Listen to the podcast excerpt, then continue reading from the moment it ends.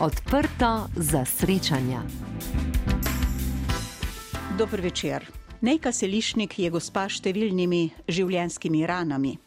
Zagotovo pa vem, da s pripravljenostjo na vse, kar prinese ali odnese življenje.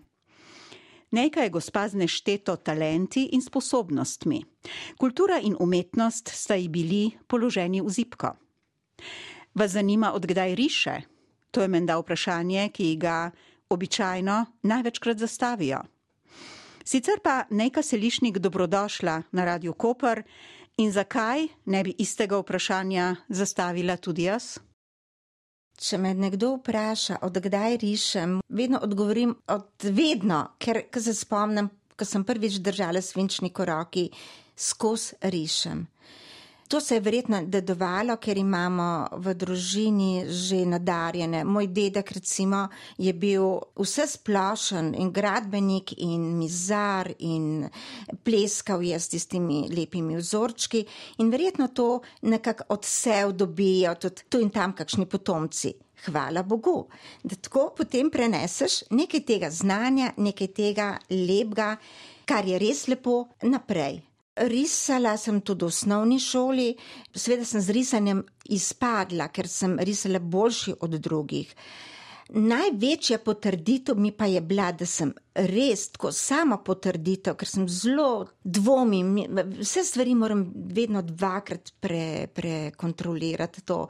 Zelo sem tak dvomljiva oseba, ko se mi je v šoli zgodila ena taka posebna stvar in sicer, ko smo v šestem razredu risali domače živali potem je vsak nekaj svojega risal in jaz sem narisala zajčka, ker smo imeli zajčke doma.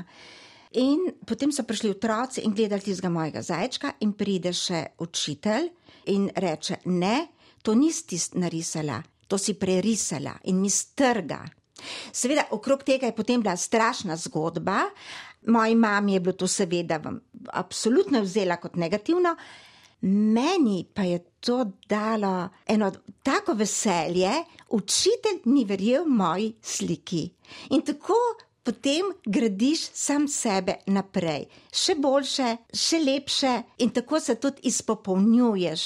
Ker jaz nisem potem šla na oblikovno šolo, ampak sem imela srednjo, tehnično. In pa dve leti arhitekture, ampak to ni bilo nič povezano z risanjem. Vse, kar sem se jaz naučila risati, je bilo iz mene ven tista želja po lepem. Ampak, če govoriva o lepem, na prvem mestu sta pri vas narava in živali, kaj ne? Mi smo živeli v gozdu, v naročju narave, torej vse se je dogajalo okrog nas in to je ena lepa povezava narava, živali, otroci. In ti razni dogodki, ki so se takrat dogajali v mojem otroštvu, Jaz se ne bojim živali, po gozdu sem hodila, tema je bila, ker sem šla v šolo, potem, ker sem bila večja tudi, ampak me ni bilo nikoli strah, ker jaz sem vedela, da živali niso nevarne, ne? nevarni so ljudje in sem se vedno bolj ljudi bala kot živali. Zato tudi pišem te gozne pravljice in vse to izvira iz teh lepih spominov na moje otroštvo, ki sem ga preživela v tistem okolju. Drevesa so te poznala, kamni so te poznali, vse je bilo tvoje.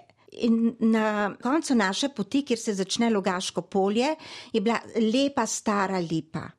In ta lipa, sem zmeraj imela občutek, tako splezala sem na eno vejo in sem sedela in sem čakala, da pride mama iz trgovine, da če čez polje, da jo vidim. In jaz sem imela občutek, da je bila tista lipa tako vesela, To je občutek, ki se ga ne da opisati, ampak če to čuti otrok, je to nekaj posebnega. In danes je bogatstvo, da vi lahko vesele ali pa žalostne lipe narišete. Zdaj je pa tako. Z leti vedno bolj paziš na svoje risanje. Starejši si, več si narisal, bolj se moraš izogibati napakam, bolj se moraš izogibati neznanju. Recimo, ko jaz narišem vrt, čist preprost vrt, neki pravljici, moram točno vedeti, kaj v tistem času, ko cvetijo. Recimo, dalje, kaj še, katere rožce so še zraven. Ko spomladi cvetim tulipane, katere rožce takrat cvetijo. Ne morem risati na pamet. In s tem se učiš in dopolnjuješ. Vedeti moram, kako je zapeta jopica od fantka, kako od deklice, vsaka ima svojo stran. Kdaj cvetijo češnje in slive, kdaj cveti jablana. In to je vse v razponu, in to je vse v drugem, nekako premaknjeno v drug letni čas. In to je znanje, ki ga veš čas prejemaš, to znanje te veš čas spremlja. Zdaj je lažje, ker imaš internet, pa pogledaš, pa je to pred tabo. Jaz pa sem pred tolkimi leti morala kupiti knjige, v katerih sem našla vse rastline v tem času cvetijo, vse rože v tem času cvetijo, trave v tem času cvetijo, kaj delajo ljudje na polju. To je pogojeno z znanjem. Danes je veliko ilustratorjev na trgu, veliko lepih ilustracij, ampak tudi veliko napak, kdo se poglobi. Jaz si pa teh napak nikoli, mislim, da si jih sploh, ne, če nekaj ne znam, ne narišem s časom mora človek biti boljši. In se mora izogibati tem neznanjem. No, danes pišete tudi zgodbe, omenili ste gozdne pravljice, ampak do tja še prideva. Spregovoriva najprej o vaših ilustracijah, ki so bile prej. Jaz sem vedno oboževala Miki Mustra in tako sem tudi z njim prišla v kontakt, in potem tudi meni je bilo sveto, kar mi je rekel, in nekako sem se držala tistih njegovih besed. Ilustracija ni bila na začetku, na začetku je bila samo slika, ampak moja slika je bila vedno na podlagi neke zgodbe. Jaz imam doma veliko teh lepih slik, ki jim pravim trenutki življenja, ampak to je nastalo po neki pripovedi, po nekem dogodku, ki sem ga doživela, ali pa sem nekaj eno lepo besedilo našla in sem potem to sliko narisala. Ilustracija je nastala kasneje. Moja prva ilustracija je bila Matka, to je ena knjigica, gospod eh, Ciril Velkovrh mi je po neki razstavi poklical in to je bila moja prva ilustracija. In potem najdejo poti do tebe drugi, pa ti do njih in tako se začne ta pot. Ciril Velkovrh prihaja iz Ljubljane, no dolga leta ste živeli v postojni in z risanjem ilustracij ste sodelovali z veliko primorskimi pesniki in pisatelji.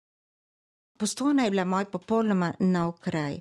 Ampak, kadar zamenjaš to lokacijo, je vsaka stvar, ki jo najdeš na tistem mestu, en čudež. Bodi si lepi bori, ki rastejo okrog postojne, bodi si ravnine gor po hribih, na vremščici, na, na slavniku, na nanosu. Ker nimaš te predstave, kako je tam gor, dokler do tja ne prideš. In nek čar pustijo v tebi, nek odtis potem srečaš ljudi, ki imajo prav tako svoje zgodbe, ki so drugačni od tistih znotranske. Drugo življenje, drug odnos ljudi do ljudi, ker vsaka pokrajina se prilagaja tako ljudje kot narava. V postojni sem takrat začela Pravzaprav vem, da sem že takrat prvič narisala in ilustrirala Erasma Predjamskega, ki mi je bil vse čas zelo pri srcu, dokler ga nisem dala v knjigo. In potem te zgodbe, po Valvazorju, Valvazor veliko opisuje to primorsko in te dogodivščine iz tistih časov.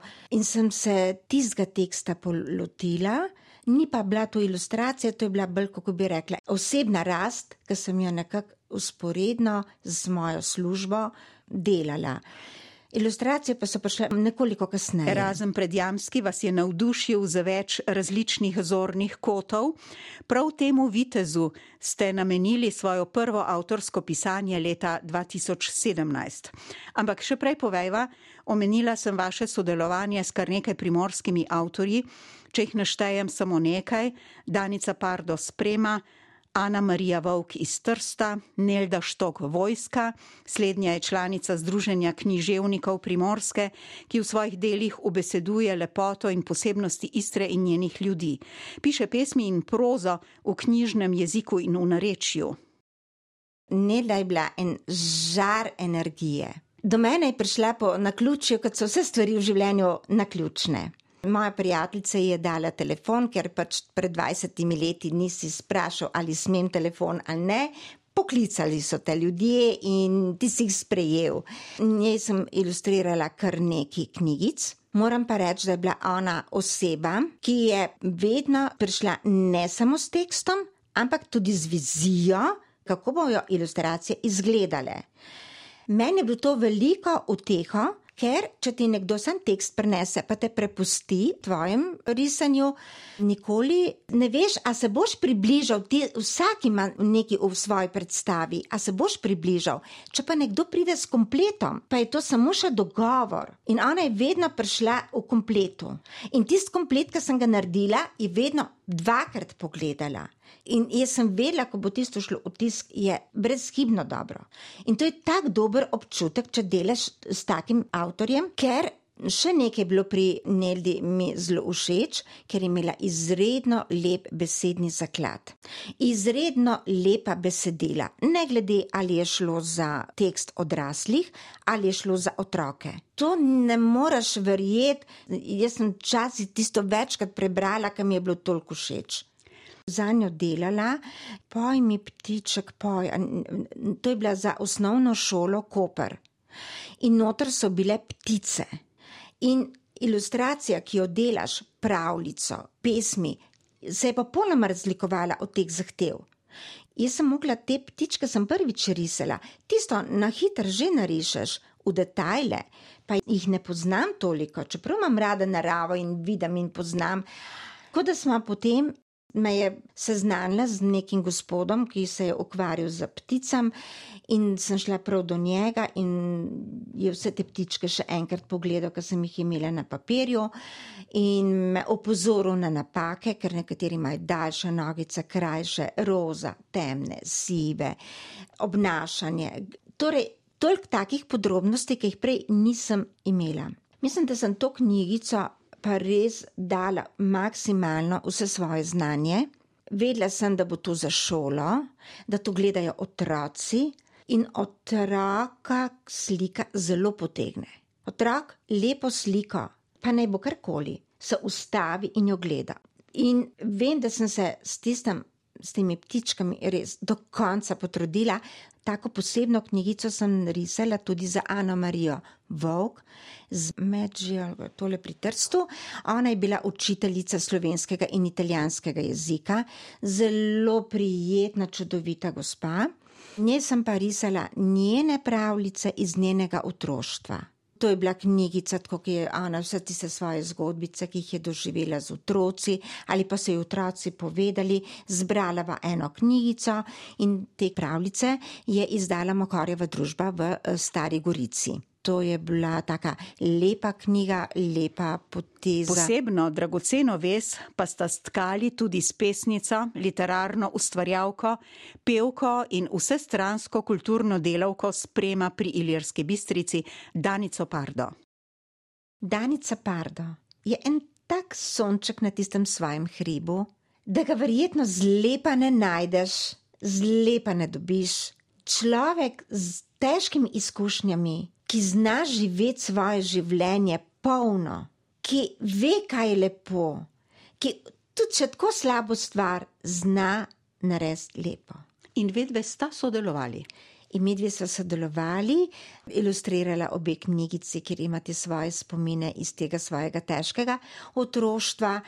Danica itek po svojem pripovedovanju prav tako padeš v, njena, v njeno tisto čustveno plat, začutiš vse njene zgodbe, začutiš njene misli, tako lepo se izraža v tem, kako je to težko obdobje preživela. Tolkrat bi jo rada vprašala, pa potem na neki stopni osavstavim, kako je sploh prišla skozi. Kaj jo je gnalo na tisto pot, da se je pobrala, pustila vse te težke stvari za sabo in je postala to, kar je. Ona je človek, ki včasih zbirajo osebnost leta, osebnost ne vem, kulture, ne vem, kaj vse zbirajo osebnosti.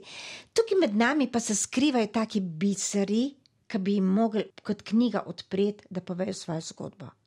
Ker ko slišiš njeno zgodbo, ni tisto, da si žalosten, ampak si rečeš, vidiš, kako lahko napreduje. Z avtorico zgodb in ilustracij pa še marsikaj drugega umetniškega se je v življenju še lotila, bova v nadaljevanju govorili o njeni prvi avtorski zgodbi, ki jo je seveda tudi sama ilustrirala. Nekaj selišnik Hribrnik, glede na to, da ste prej ilustrirali kot pisali zgodbe, kako je nastalo vaše prvo avtorsko pisanje? Ko rišeš za druge ljudi, za druge tekste, si preprosto zaželiš, da bi tudi sam nekaj napisal. To je taka tiha želja, pa se jaz tudi znam, pa se jaz tudi nekaj, sem, nekaj vem, nekaj sem se spomnil. Jaz tudi lahko nekaj dam v to kulturo, v te knjige. To je ena taka skrita želja, ki jo nosiš vsakokrat, kadar za nekoga rišeš v sebi. Meni se mora nekoč zgoditi, da tudi sam napišem knjigo. In kdaj ste prvič to storili?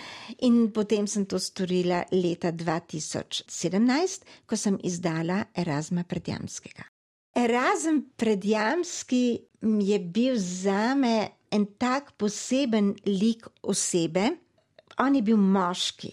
V njegovem življenju so nastopili samo moški. To je bila prva knjiga, kjer ni bilo nobene ženske.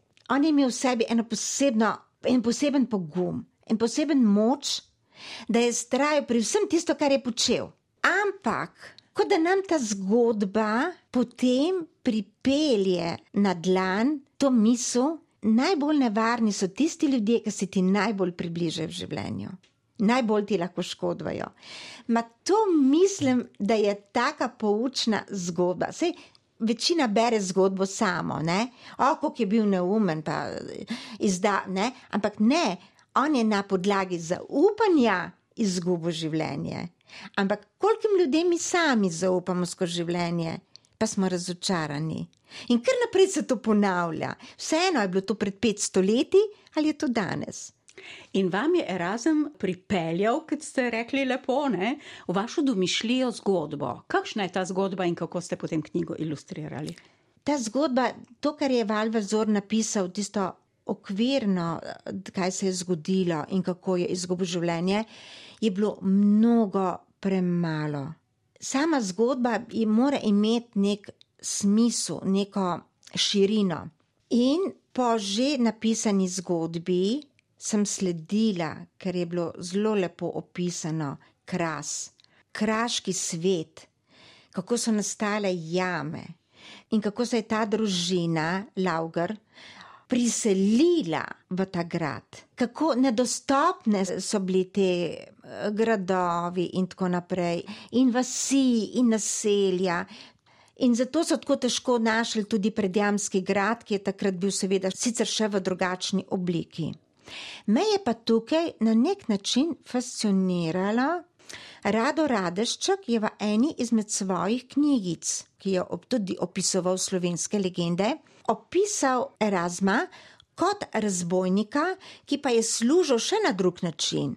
In sicer tako, da je tem upadni turški vojski izdajal poti do gradov in je na ta način pač dobil vrečo zlatnikov, pa v redu, se je zgodil, kar se je zgodil, oni so našli pot do tja ali pa ne. Ampak ta način za služenje ne, je bil tako prefino, premišljen, predkan. Ne, in rado radešček opisuje, koliko je bilo še gradov tukaj okrog postojne, Cerkniškega jezera, pa ni več sledu o njih, ker je verjetno res prišlo potem do tega presenečenja, da so brez problema vdrli v gradove in jih požgali. Kaj ste vi napisali? Jaz sem najprej opisala ta lep kras, to lepo pokrajino, te gozdove, hrastove, ki so jih potem benečani posekali in so te hrasti še zdaj živi v Benetkah. Tudi če so pod vodo, še vedno so spomin na ta lep kras, ki je bil in... verjetno zelo mogočen. Od tega preideš na to zgodbo, žalostno zgodbo njemu. On je imel ženo, ki mu je umrla, in potem se je on odločil, da bo v bistvu z vsemi temi prepiri, ki jih je imel, in tako naprej. Očitno je bil zelo resnico ljuben in se ni, brez zadržkov povedal, kar je mislil, kar še zmeraj ni dober. In kot takega ste ga upisovali. Ja, uh -huh. tako. In tako sem usledila ti zgodbi. Seveda se je potem zgodilo, kar se je zgodilo. Ostal je grad, ki je še danes verjetno najlepši, od, ne vem, če naj, lahko najdemo še lepšega. In jaz mislim, da vsak, ki prebere to legendo, se vrne v predjamski grad z enim posebnim občutkom, da čuti še vedno Erasma, ko stoji pred tistim gradom. Ilustracije sem pa jaz imela že nekaj tudi prej, že pripravljenega, vse te figure, podobe, teh ljudi, ki so bili takrat, verjetno ta izdajalec je bil tako kot vsi ostali. Ampak v vseh teh ilustracijah je čar risanja v tem, da obnašanje ljudi, ko gledaš sliko, tudi sliko začutiš. Ni dovolj, da jo samo vidiš sliko. Zato ta človek, ki je to izdal, ima tiste kretnje, da se skriva med dvemi rameni, da vse čas stoji za nečem in opazuje. Ni on tisti naraven vojak, ki čuva gospodarja, mora imeti neke tiste vzgibe. Čarobno mora biti pri vas doma, gospa Nejka, in nikoli se mi zdi, vam ni dolg čas. Ves čas raziskujete, ves čas se tudi zaposlujete z raziskovanjem novih znanj, bomo izvedeli v nadaljevanju tudi. Gospa mnogoterih sposobnosti ste, gospa Nejka. Govorili smo že o vašem pisanju, predvsem o vaši prvi zgodbi, knjigi z naslovom Erasm predjamski, ki je nastala leta 2017. Knjigo ste seveda sami tudi ilustrirali. Nekje v skladišču izzivov pa imate še veliko, veliko idej, kolikor vem. Jaz sem potem, kadar nisem imela, recimo, ilustracij, nisem imela nič, nisem stala brez dela, ampak imam doma eno zajetno mapo slovenskih legend, ker sem jih potem začela zbirati. Potem imam doma posebne zgodbe ljudi, tudi iz tega okolja. Divi lovec nad Ajdoščino, nad Sinim vrhom, je ena taka blazno zanimiva prispodoba za lovce. On je bil divi lovec brez primera potem poslednji goslač v Črnomlju, potem kipar Roba je imel posebno zgodbo, kako je prišel v Ljubljano. In vse te zgodbe sem jaz prebrala in jih posebej napisala, ilustrirala, ampak to zase, za svojo dušo.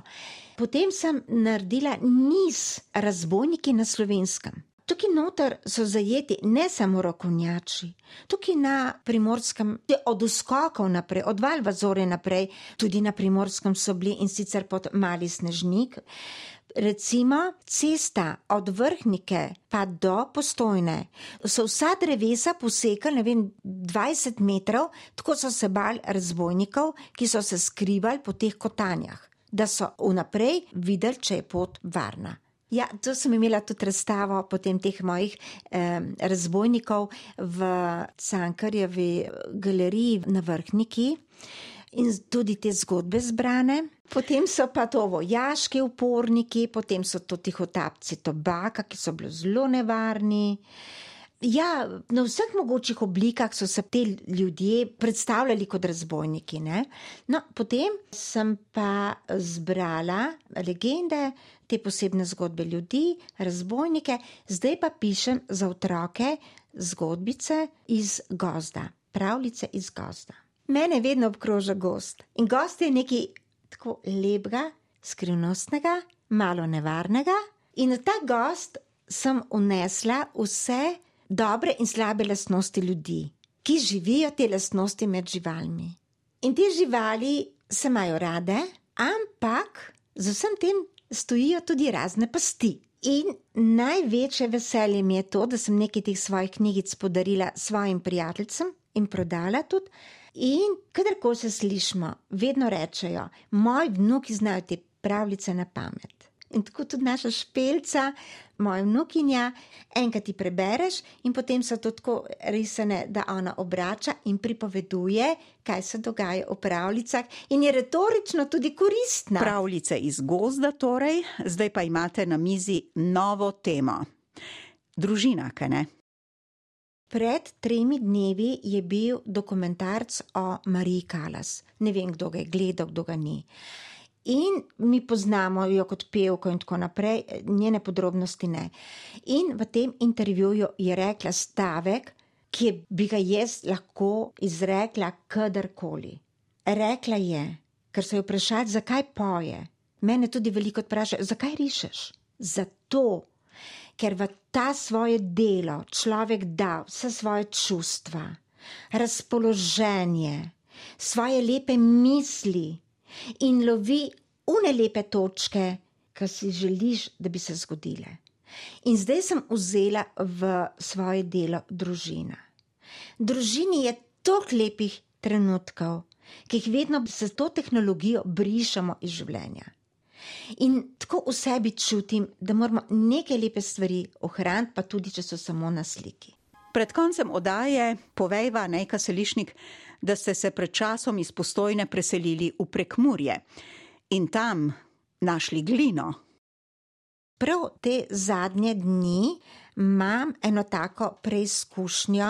Jaz sem zdaj v čist novem okolju, med popolnoma drugimi ljudmi in to okolje mi nudi nekaj drugega. Jaz sem tudi neke vrste oblikovalec. In glina, ki jo v tistem našem okraju, kjer sem zdaj, me kliče potem, da nekaj lepega ustvarim. Jaz še nikoli nisem delala iz gline. To je moja prva izkušnja, ko jo bom prijela v roko, kaj bom pa iz nje naredila. Naredim si ogrlico, naredim si torbico, eh, naredim si lepo mapo, vse to si naredim, nikoli pa nisem držala v roki gline. Glina je pa nekaj tako posebnega. Če pomislimo, kaj se iz nje da narediti, jaz sem perfekcionist in tisti moji prvi izdelki gotovo noben ne bo videl. Ampak tisti potem, ko tako kot sliko, ko bodo začutili moj izdelek, da je res lep, dodelan, izdelan, da se ustavijo ljudje pred njim, kot pred mojo sliko takrat bom vedela. Premagala sem tudi to neznanje. Kaj bi bilo pravzaprav lepše slišati od vseh nas, od slehrnika, tako rekoč, premagal, premagala sem neznanje. To je smisel in to je prava, bogata pot naprej, ki vam jo iz srca želimo. Nekaj selišnik še veliko nam imate povedati in veselimo se že vaših novih izdaj knjig, kot ste napovedali, o slovenskih razbojnikih. Super vas je bilo gostiti. Hvala za obisk.